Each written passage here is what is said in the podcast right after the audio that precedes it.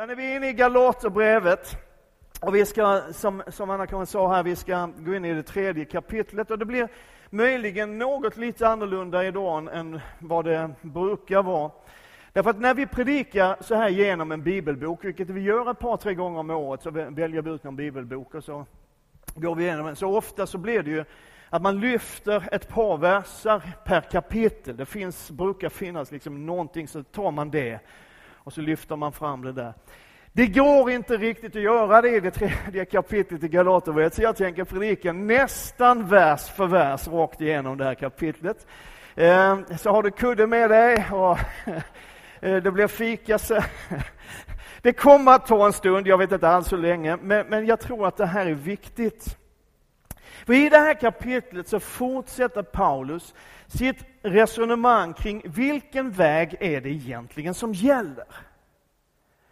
Och vi har pratat om det nu de tidigare söndagarna här.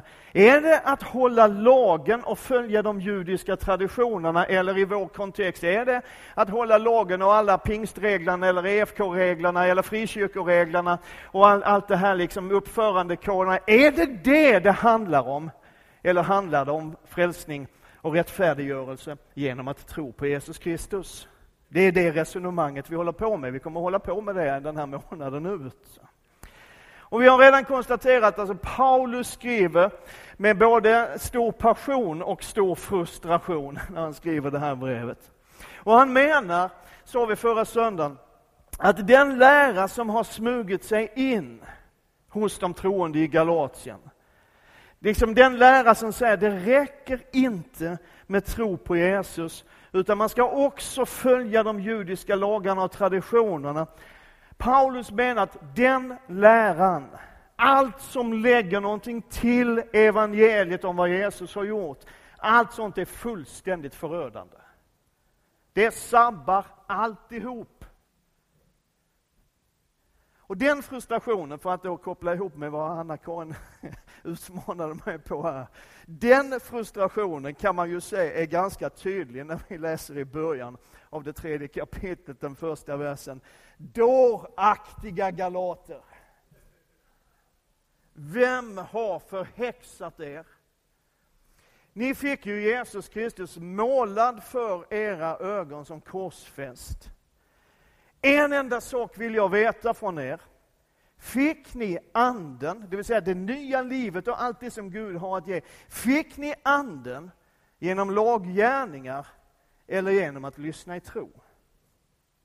Är ni så dåraktiga? Är ni så, vet du vad det betyder? det betyder? Är ni så dumma i huvudet? Ni som började i anden, ska ni nu sluta i köttet? Har ni lidit så mycket förgäves, om det nu var förgäves? Han som ger er anden och gör underverk bland er, är det för era laggärningar eller för att ni lyssnar i tro? som Abraham. Han trodde Gud och det räknades honom till rättfärdighet. Vet, en väldigt stor del av Paulus teologi och undervisning är byggd på det löfte som Gud gav Abraham. Om du läser Romarbrevet någon gång så ser han bygger hela sitt resonemang egentligen i Romarbrevet på löftet som Gud gav Abraham. Paulus nämner Abraham 19 gånger i sina 13 brev. Och det är lätt att inse, tror jag, om man upptäcker det, att det finns nog någonting centralt kring Abraham och hans tro och det som hände. Och vi som är predikanter och som har hållit på några år, vi gör ibland misstaget att vi tar för givet att alla som sitter i en gudstjänstlokal vet precis vad vi talar om, och så upptäcker man att det kanske inte alltid är så. Så vem var Abraham? Och det här blir en kortis, det lovar jag. Vem var Abraham? Och vad var det egentligen som Gud lovade Abraham? Abraham kom från Mesopotamien, som är, betyder landet mellan floderna, det vill säga floderna Eufrat och Tigris. Där någonstans låg staden Ur. Man tvistar om var den låg, man kan tvista om mycket i livet. Och vill du satsa på något rejält så börja tvista om var staden Ur låg. Men han bodde i den staden i alla fall. Och när han finns i den staden så drabbas han av Guds kallelse. Gud säger till honom, du ska flytta till ett land som jag tänker visa dig. Eh, och så småningom så inser man att ja, men det var Kanans land, det som vi idag kallar för Israel, det landet, löfteslandet. Det var dit Gud tänkte ta honom. Det visste inte Abraham, men han reser sig upp och börjar flytta och sen så blev det lite hinder och grejer på vägen. Men, men så småningom så, så är han på rätt spår. Det står så här. Herren sa till Abraham, står det i vår översättning, han hette Abraham först. Och vi går inte in på alla de detaljerna, sen hette han Abraham, men det är en annan grej. Herren sa till Abraham, eller som det står i ganska många översättningar, Herren hade redan sagt till Abraham, Gå ut från ditt land och din släkt och din fars hus och bege dig till det land som jag ska visa dig. Där ska jag göra dig till ett stort folk. Jag ska välsigna dig och göra ditt namn stort och du ska bli en välsignelse. Jag ska välsigna dem som välsignar dig och förbanna den som förbannar dig. I dig ska jordens alla släkte, det vill säga varenda kotte, bli välsignade.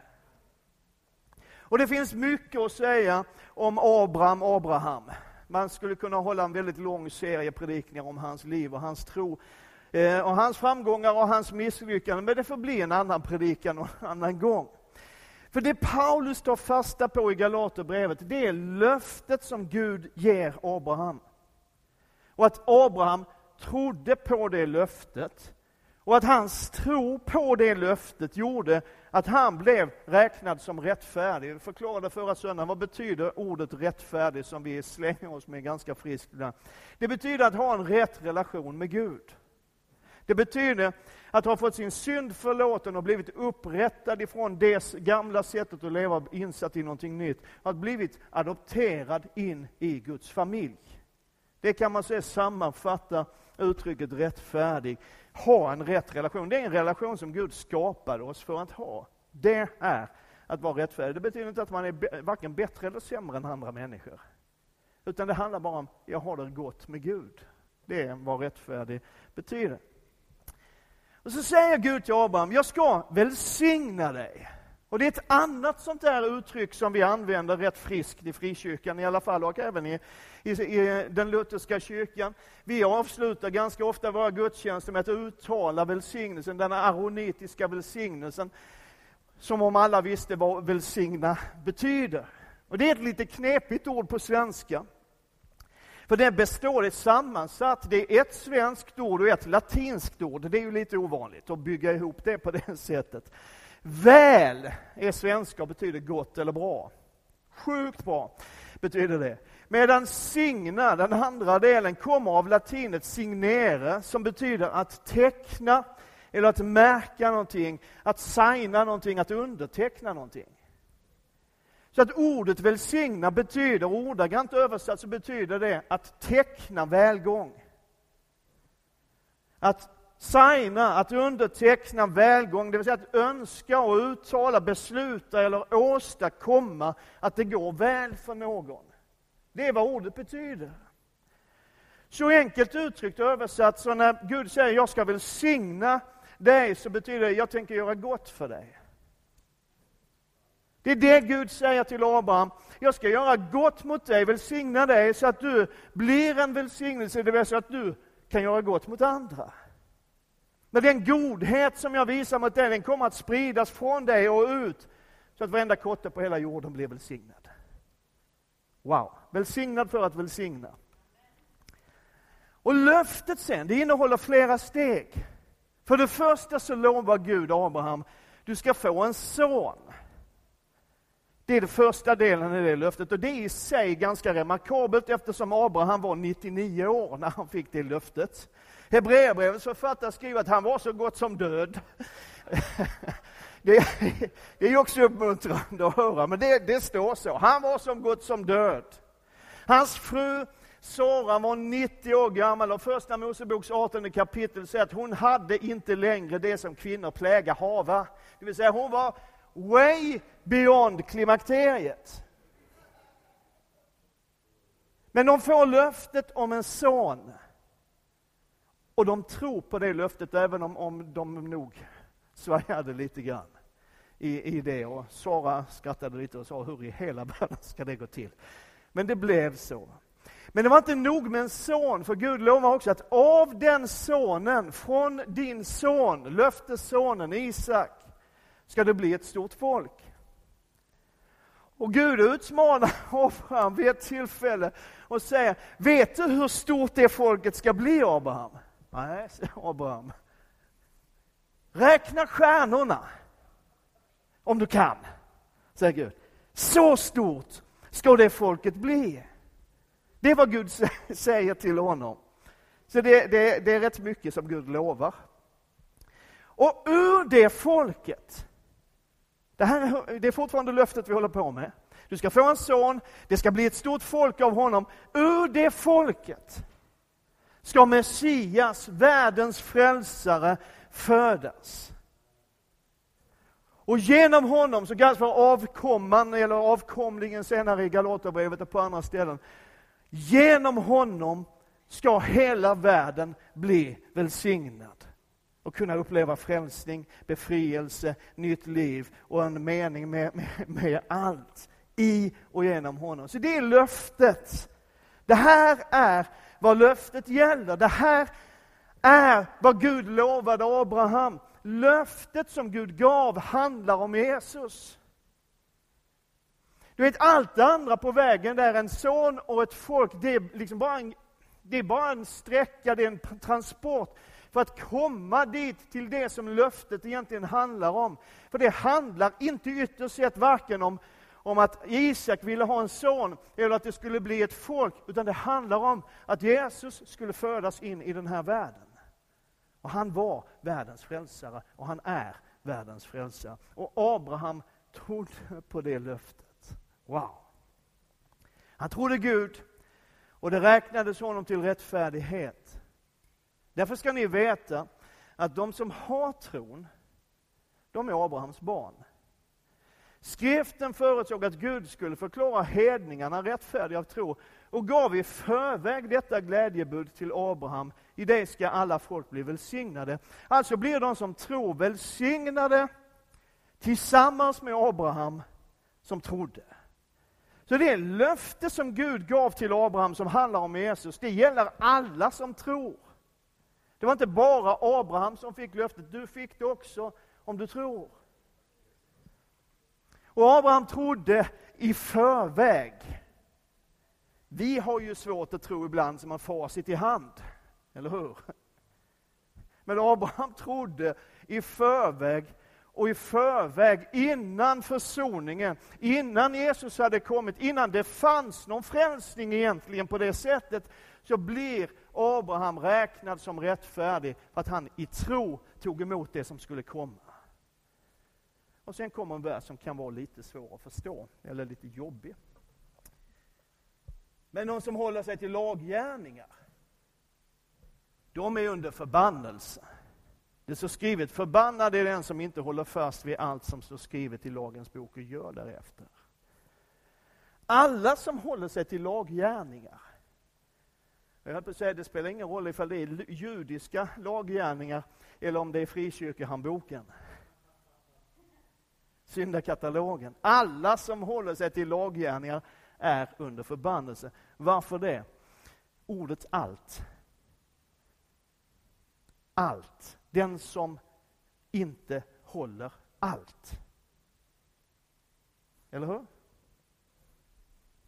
De som håller sig till laggärningar är under förbannelse. Det står skrivet, förbannad är den som inte håller fast vid allt som står skrivet i lagens bok och gör därefter. Och vi pratade förra gången om att det, det handlar faktiskt inte bara om Bibelns 1182 kapitel, 31 173 verser. Utan det, det, är ju liksom, när man ser det ur ett judiskt perspektiv, om man talar om lagen, så är det ju dessutom, alltså det är ju hela det här verket. Talmud, 20 000 sidor med regler och lagar och förordningar. Och ibland, i mina mörkaste stunder när jag växte upp i frikyrkan, så kändes det som att frikyrkoreglerna, de är ännu fler. Men det är nog inte så. Står det verkligen så i Gamla Testamentet? Att det ska vara precis allt? Ja, det gör faktiskt det. Femte Mosebok 27 kapitel så står det förbannad är den som inte upprätthåller alla ord i denna lag genom att följa dem. Och förra söndagen så läste vi från, från det femte kapitlet i Galaterbrevet, den tredje versen, där står att den som låter omskära sig, det vill säga den som säger jag håller mig till det här med lagen, för det är vad omskärelsen betyder.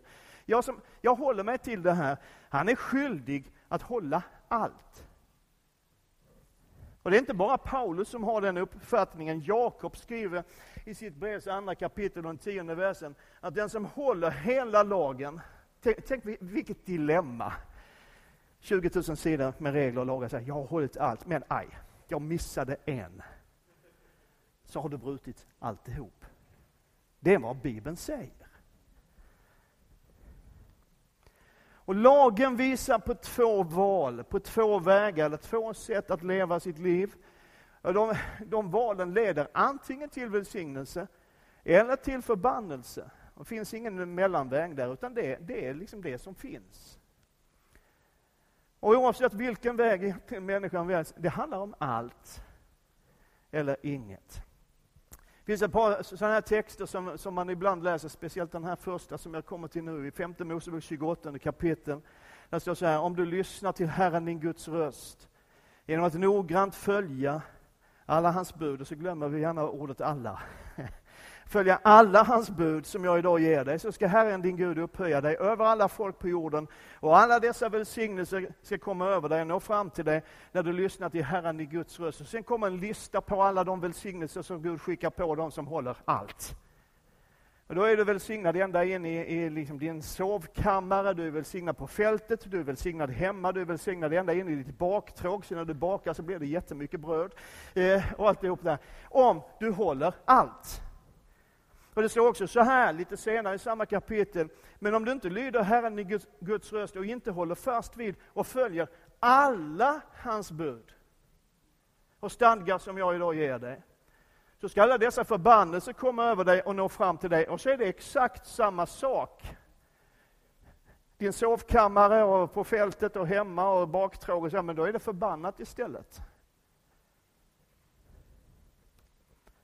Och därför är det så oändligt befriande att läsa vad Paulus skriver i den trettonde versen i Galaterbrevet 3. Och det är, som jag ser det, det är en nyckelvers till hela Galaterbrevet och till, egentligen till att förstå hela Nya Testamentets teologi. Där Paulus skriver, men Kristus har friköpt oss från lagens förbannelse.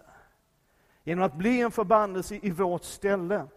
Det står skrivet, förbannade var och en som blir upphängd på trä. Kristus har friköpt oss från lagens förbannelse. Wow! Så resultatet av lagen är välsignelse eller förbannelse. Den kan inte resultera i någonting annat. Det är de två som finns. Välsignelse om du håller allt vad lagen säger. Och förbannelse om du inte håller exakt allt. Och du kan ju gissa var du och jag befinner oss någonstans i förhållande till det. Jag vet ju inte hur det är med dig, men jag har en känsla av att det finns något av Guds bud som jag någon gång har missat. Att det finns någonting någonstans, något litet, litet korn någonstans där jag har brutit mot Guds lag. Men det gäller ju mig, jag vet inte alls hur det är med dig. Och så tar Jesus bort förbannelsen. Hans död och uppståndelse, säger Paulus, köper oss fria från all förbannelse. Och det här har jag sagt många gånger förut, för jag tycker det här är så härligt, så jag säger det med glädje. Om det finns välsignelse och förbannelse, om man tar bort förbannelsen, vad är då kvar? Vad smarta ni är! Om du har två grejer att ta bort den ena så är den andra kvar. Eller hur? Så välsignelsen är det som återstår. Men, och det här är så bra och det här är så befriande. Den välsignelsen som Bibeln talar om, den går inte längre att få tag på genom att hålla lagen. Den välsignelse som Bibeln talar om går inte längre att få del av genom att följa reglerna uppföra sig som man bör, och klä sig som man bör, och se ut som man ska, och tala språket som man borde. Inte ens om du håller allt i lagen är den välsignelsen tillgänglig för dig. Den går bara att få del av genom att tro på Jesus Kristus. Wow. Det är väl lite befriande? Lite lagom befriande så. Och sen fortsätter Paulus och så visar han att det här har varit Guds tanke hela tiden. Att löftena som Gud gav Abraham och alla som delar Abrahams tro sammanfattas i Jesus Kristus. Han skriver så här, bröder, jag vill ta ett mänskligt exempel. Inte ens en människas testamente som vunnit laga kraft kan upphävas eller utökas. Nu gavs löftena till Abraham och hans avkomma. Det står inte dina avkomlingar som när det gäller många, utan som när det gäller en enda, din avkomma. Och så talar Paulus om, vem är den avkomman? Är det Isak? Nej, det är Kristus. Vet, hela gamla testamentet, allt i det gamla förbundet Hela berättelsen om Guds folket, att Gud utväljer en man, Abraham, som får en son, Isak, som blir till ett folk, det judiska folket. Ett folk som Gud beskyddar och bevarar och, och tuktar ibland och välsignar ibland och liksom bevarar under nästan 1800 år. Hela den berättelsen, hela den delen av historien har ett enda syfte att Jesus Kristus, Guds son och världens frälsare, ska komma in i den här världen. Allt handlar om Jesus. Löftet till Abraham sammanfattas i Kristus, säger Paulus. Löftet, det Gud lovade Abraham, var och är Jesus. Det är han som är löftet. Det är Jesus som är löftet. Och lyssna nu. Vad jag menar är detta, säger Paulus, vers 17. Ett testamente som Gud själv i förväg gjort giltigt kan inte upphävas av lagen, som kom 430 år senare, så att löftet skulle bli ogiltigt. För om arvet skulle bero på lagen beror det inte längre på löftet, men Gud gav det till Abraham genom ett löfte. Löftet som Gud gav, löftet om Jesus Kristus, är som ett testamente, ett juridiskt bindande kontrakt eller dokument. Och Gud har förbundit sig själv att uppfylla det. Han har signat det, det är det som gäller.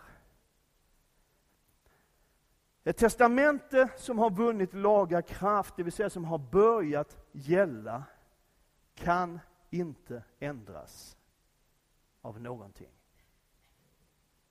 De kan inte lägga till någonting i efterhand.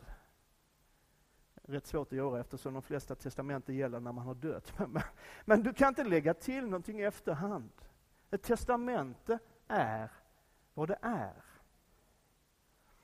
Och Det här är så viktigt därför att Paulus han vill, han vill så gärna få Galaten att förstå. Han vill så gärna få dig och mig och oss att förstå att löftet om frälsning genom tro och bara genom tro, det fanns redan och var redan giltigt. Det hade redan börjat verka när lagen gavs.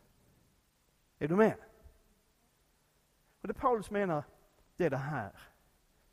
Det är inte frälsning genom tro på löftet plus lagen som gäller. Det är inte Jesus plus någonting.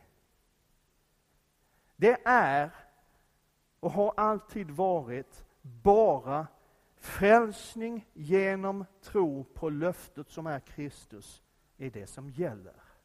Jesus plus ingenting är allting. Och då kan man ju fråga sig, och jag är glad att du gör det så jag får svara. Varför, varför gavs lagen överhuvudtaget? Om lagen egentligen inte tillför någonting, så varför finns den då ens?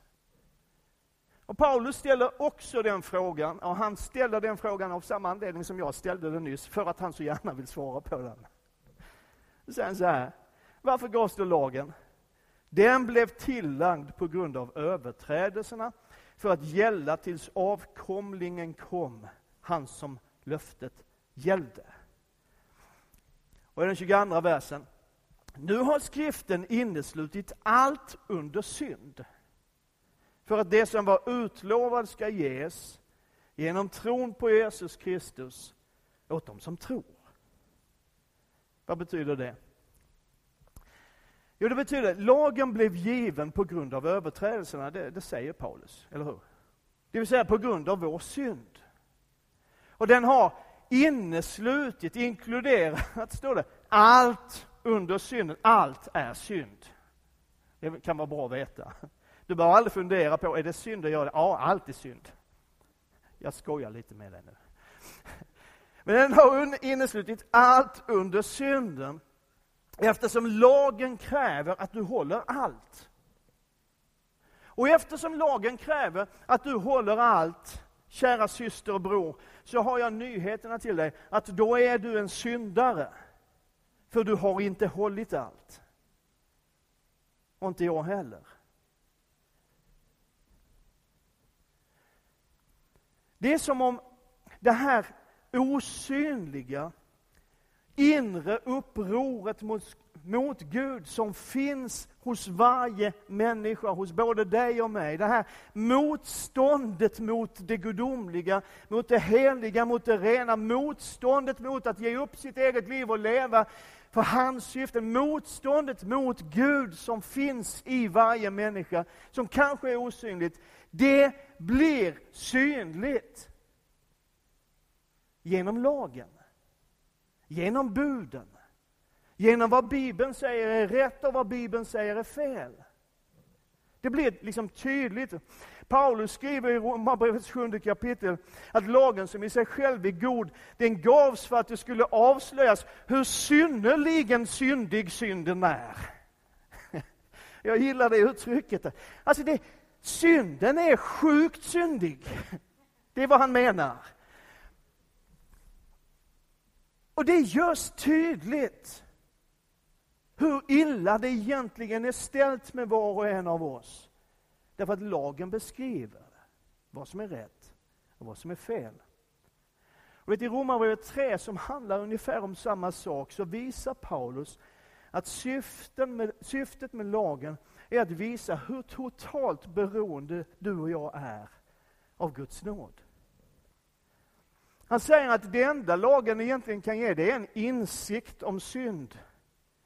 Den får oss att förstå att vi är nog inte så präktiga som vi gärna skulle vilja tro. Och det är i det sammanhanget som de här ganska välkända orden finns med ifrån vers 23 och 24, att alla har syndat och saknar härligheten från Gud. Det har Paulus precis sagt. Lagen ger insikt om synd. Och den insikten säger både dig och mig och Paulus och alla andra också, att ja, men då har alla syndat. Alla har liksom tappat det som Gud gav från början, härligheten, ljuvligheten. Och så säger han så här, och de förklaras rättfärdiga som en gåva. Av hans nåd, därför att de är friköpta av Kristus Jesus. Eller som en äldre översättning uttryckte det, de står som rättfärdiga utan att ha förtjänat det. Av hans nåd, därför att Kristus Jesus har friköpt dem. Wow! Det är det här som är evangeliet. Att det var så kört. Men Jesus ordnade det för dig och mig. Det är det som är evangeliet. Vi går tillbaka till, till Galaterbrevet 3.19. Varför gavs då lagen? Den blev tillagd på grund av överträdelserna för att gälla tills avkomlingen, alltså Jesus Kristus kom, han som löftet gällde. Och nu kanske någon blir utmanad, men det är ju härligt. Det är andra som Paulus slår fast i det här avsnittet, och det här är superviktigt, det är att lagen gäller inte längre. Den skulle gälla tills avkomlingen, den som löftet gällde, kom. Tills Jesus Kristus träder fram. Är du här? Det är ordagrant vad som står i den här texten. Lagen gällde tills Jesus kom. Och ibland så kan man höra folk, det är faktiskt människor som har sagt det till mig, människor som tycker att jag predikar för mycket nåd, vilket då borde innebära att det är för lite lag i min förkunnelse. Jag har, har ibland sagt, ja men vi kan inte avskaffa lagen. Jesus skärpte ju lagen, säger man. Och då måste den ju gälla. Och så citerar man med, med glädje och frenesi uttrycket där Jesus säger, inte den minsta prick av lagen ska förgå. Och det är sant, det är inte den minsta prick av lagen som har försvunnit, inte någonting alls.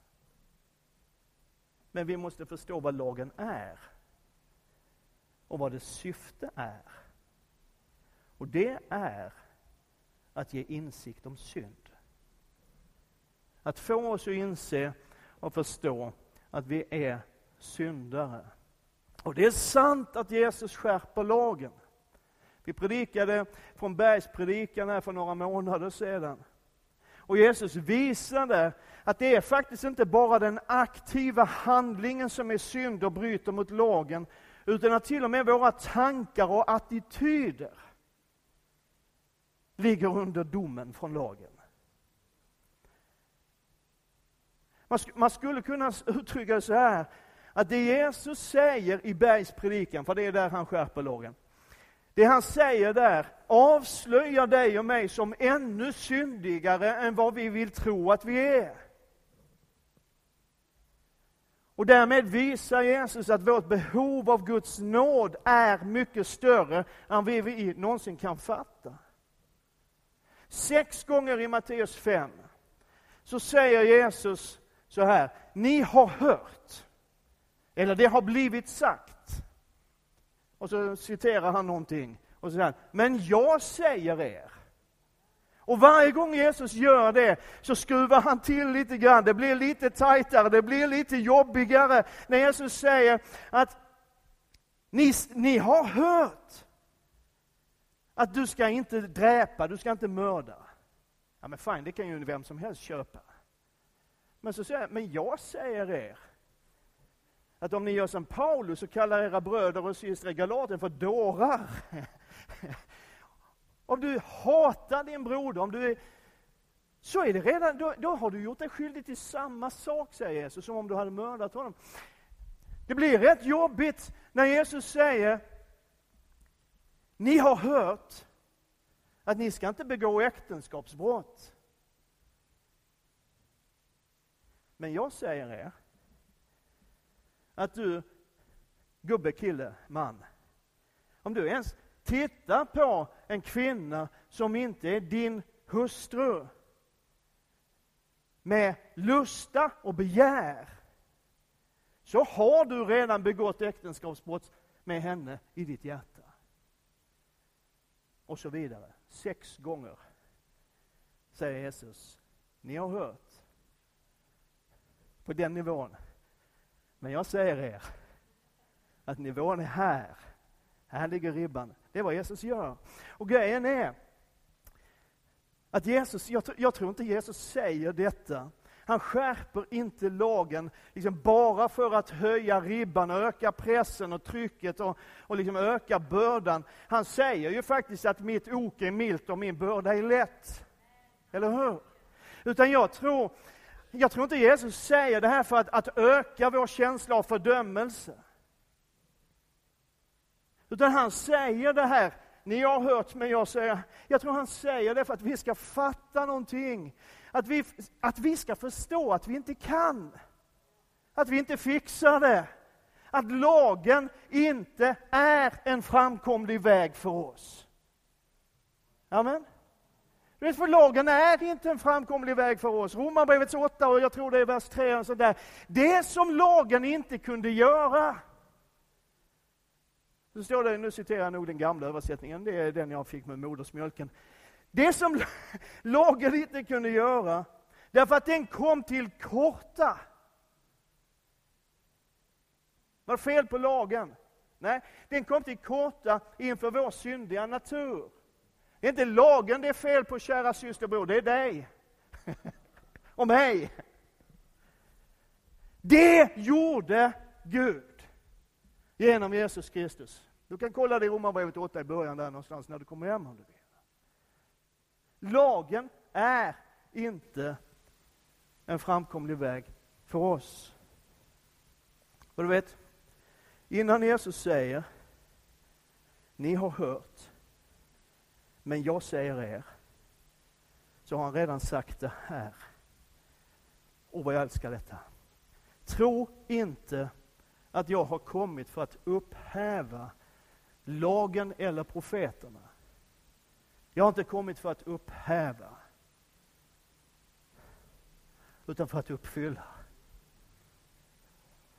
För att fullborda. Och det här är evangeliet. Det är det här som Paulus kämpar så hårt för att bevara hos galaterna och som han kämpar så hårt för att bevara åt dig och mig. Att det är tro på löftet som sätter oss fria.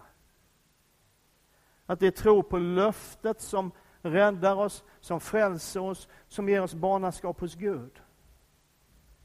Och det löftet är Jesus Kristus. Evangeliet säger, det finns en som har hållit lagen för oss åt oss i vårt ställe. Så vi behöver inte göra det. Vi kan inte ens göra det. Allt vi behöver göra, allt vi behöver göra är att tro på löftet. Tro på Jesus. Abraham gjorde det.